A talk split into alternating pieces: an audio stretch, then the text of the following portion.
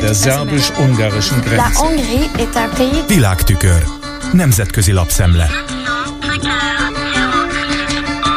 Köszöntöm a hallgatókat! A menekült politikát illetően meghitt egység uralkodik Európa jobboldali pártjai között. Más témákról azonban vitáznak egymással, írja a DPA német hírügynökség a Frankfurter Rundschau ismertetésében. Annak kapcsán, hogy a Németország számára szélső jobboldali alternatívát kínáló AFD Magdeburgban elfogadta a jövő évi európai parlamenti választásokra szóló programját. Ez a dokumentum állapítja meg az elemzés, együttműködést irányoz elő más európai államok jobboldali populista és nemzeti konzervatív pártjai között, de az bonyolultnak bizonyulhat néhány kérdésben. Neuralgikus pont lehet az Ukrajna elleni orosz támadó háború megítélése, illetve az AFD politikusainak az a felfogása, hogy Németországot túl sok befizetési kötelezettség terheli a közös uniós kasszába. A cikk szerint az elmúlt év során megtartott nemzeti választások kimenetele, a jobboldali pártok Finnországban, Svédországban vagy éppen Franciaországban elért jó eredménye arra utalhat, hogy a jövő évi EP választások nyomán az uniós parlament is jobbra tolódik. Jelenleg az AFD kilenc képviselővel van jelen az Identitás és Demokrácia elnevezésű frakcióban, amely 62 képviselővel a hatodik legerősebb politikai csoportosulás a 705 tagú EP-n belül.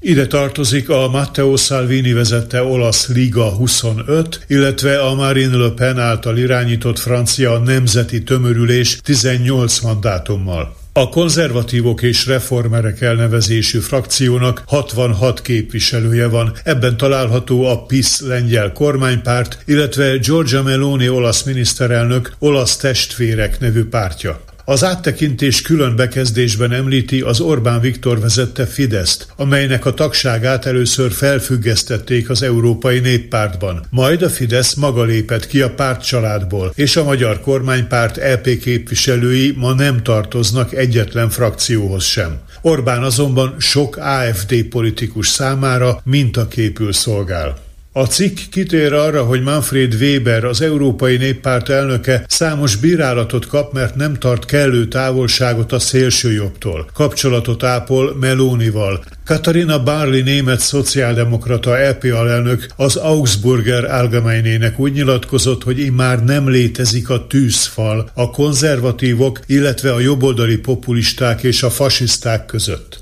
Weber viszont a CDF Heute Journal című adásában azt állította, hogy csak az a párt lehet a néppárt demokratikus partnere, amely először is Ukrajna oldalán áll, másodszor Európát pozitív értelemben tovább alakítani és nem megszüntetni akarja, harmadszor pedig védelmezi a jogállamot. Weber az AFD-t nem tartja ilyen pártnak. A DPA úgy ítéli meg, ha az AFD jelentősen több mandátumhoz jutna a következő EP választáson, akkor az hatástalanabbá tehetné az EU zöldítési klímapolitikáját, és tovább nehezíthetné a közös európai menekült politika kialakítását is. Az olasz testvérek pártja ugyanakkor egyértelműen elhatárolódik Oroszországtól, ellentétben a francia nemzeti tömörüléssel és az AFD-vel. Az Európai Unió felszámolását ma már alig szorgalmazza valaki. Az olasz testvérek és a Liga euroszkeptikusnak minősíthető. Le Pen pedig úgymond a nemzetek Európáját hirdeti, amelyben a tagországoknak több szuverenitásuk van Brüsszellel szemben.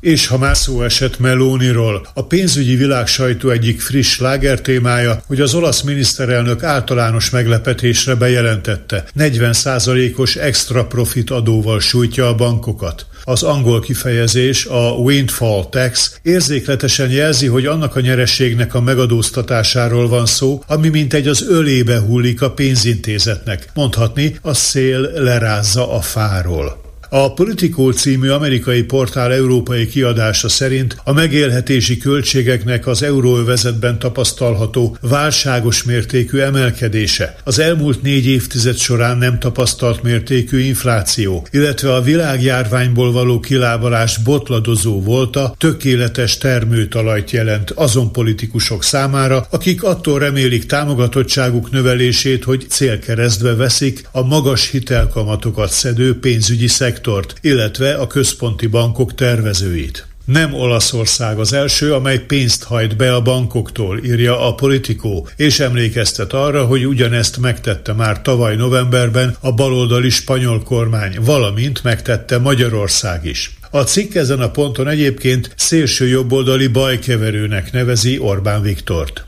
Kitér a politikó arra is, hogy Matteo Salvini, a liga vezére, akiről egyébként szintén szó esett a jobboldali populista pártok iménti áttekintésekor, nem elsősorban magukat a hitelező bankokat, hanem az Európai Központi Bankot, annak az irányadó kamatpolitikáját hibáztatta minapi sajtótájékoztatóján. Az EU-n belül egyébként Olaszországban az egyik legmagasabb a saját tulajdonú ingatlanok aránya, amiből szédítő nagyságú jelzálog kölcsön összeg következik a bankoknál. Tavaly ez elérte a 424 milliárd eurót.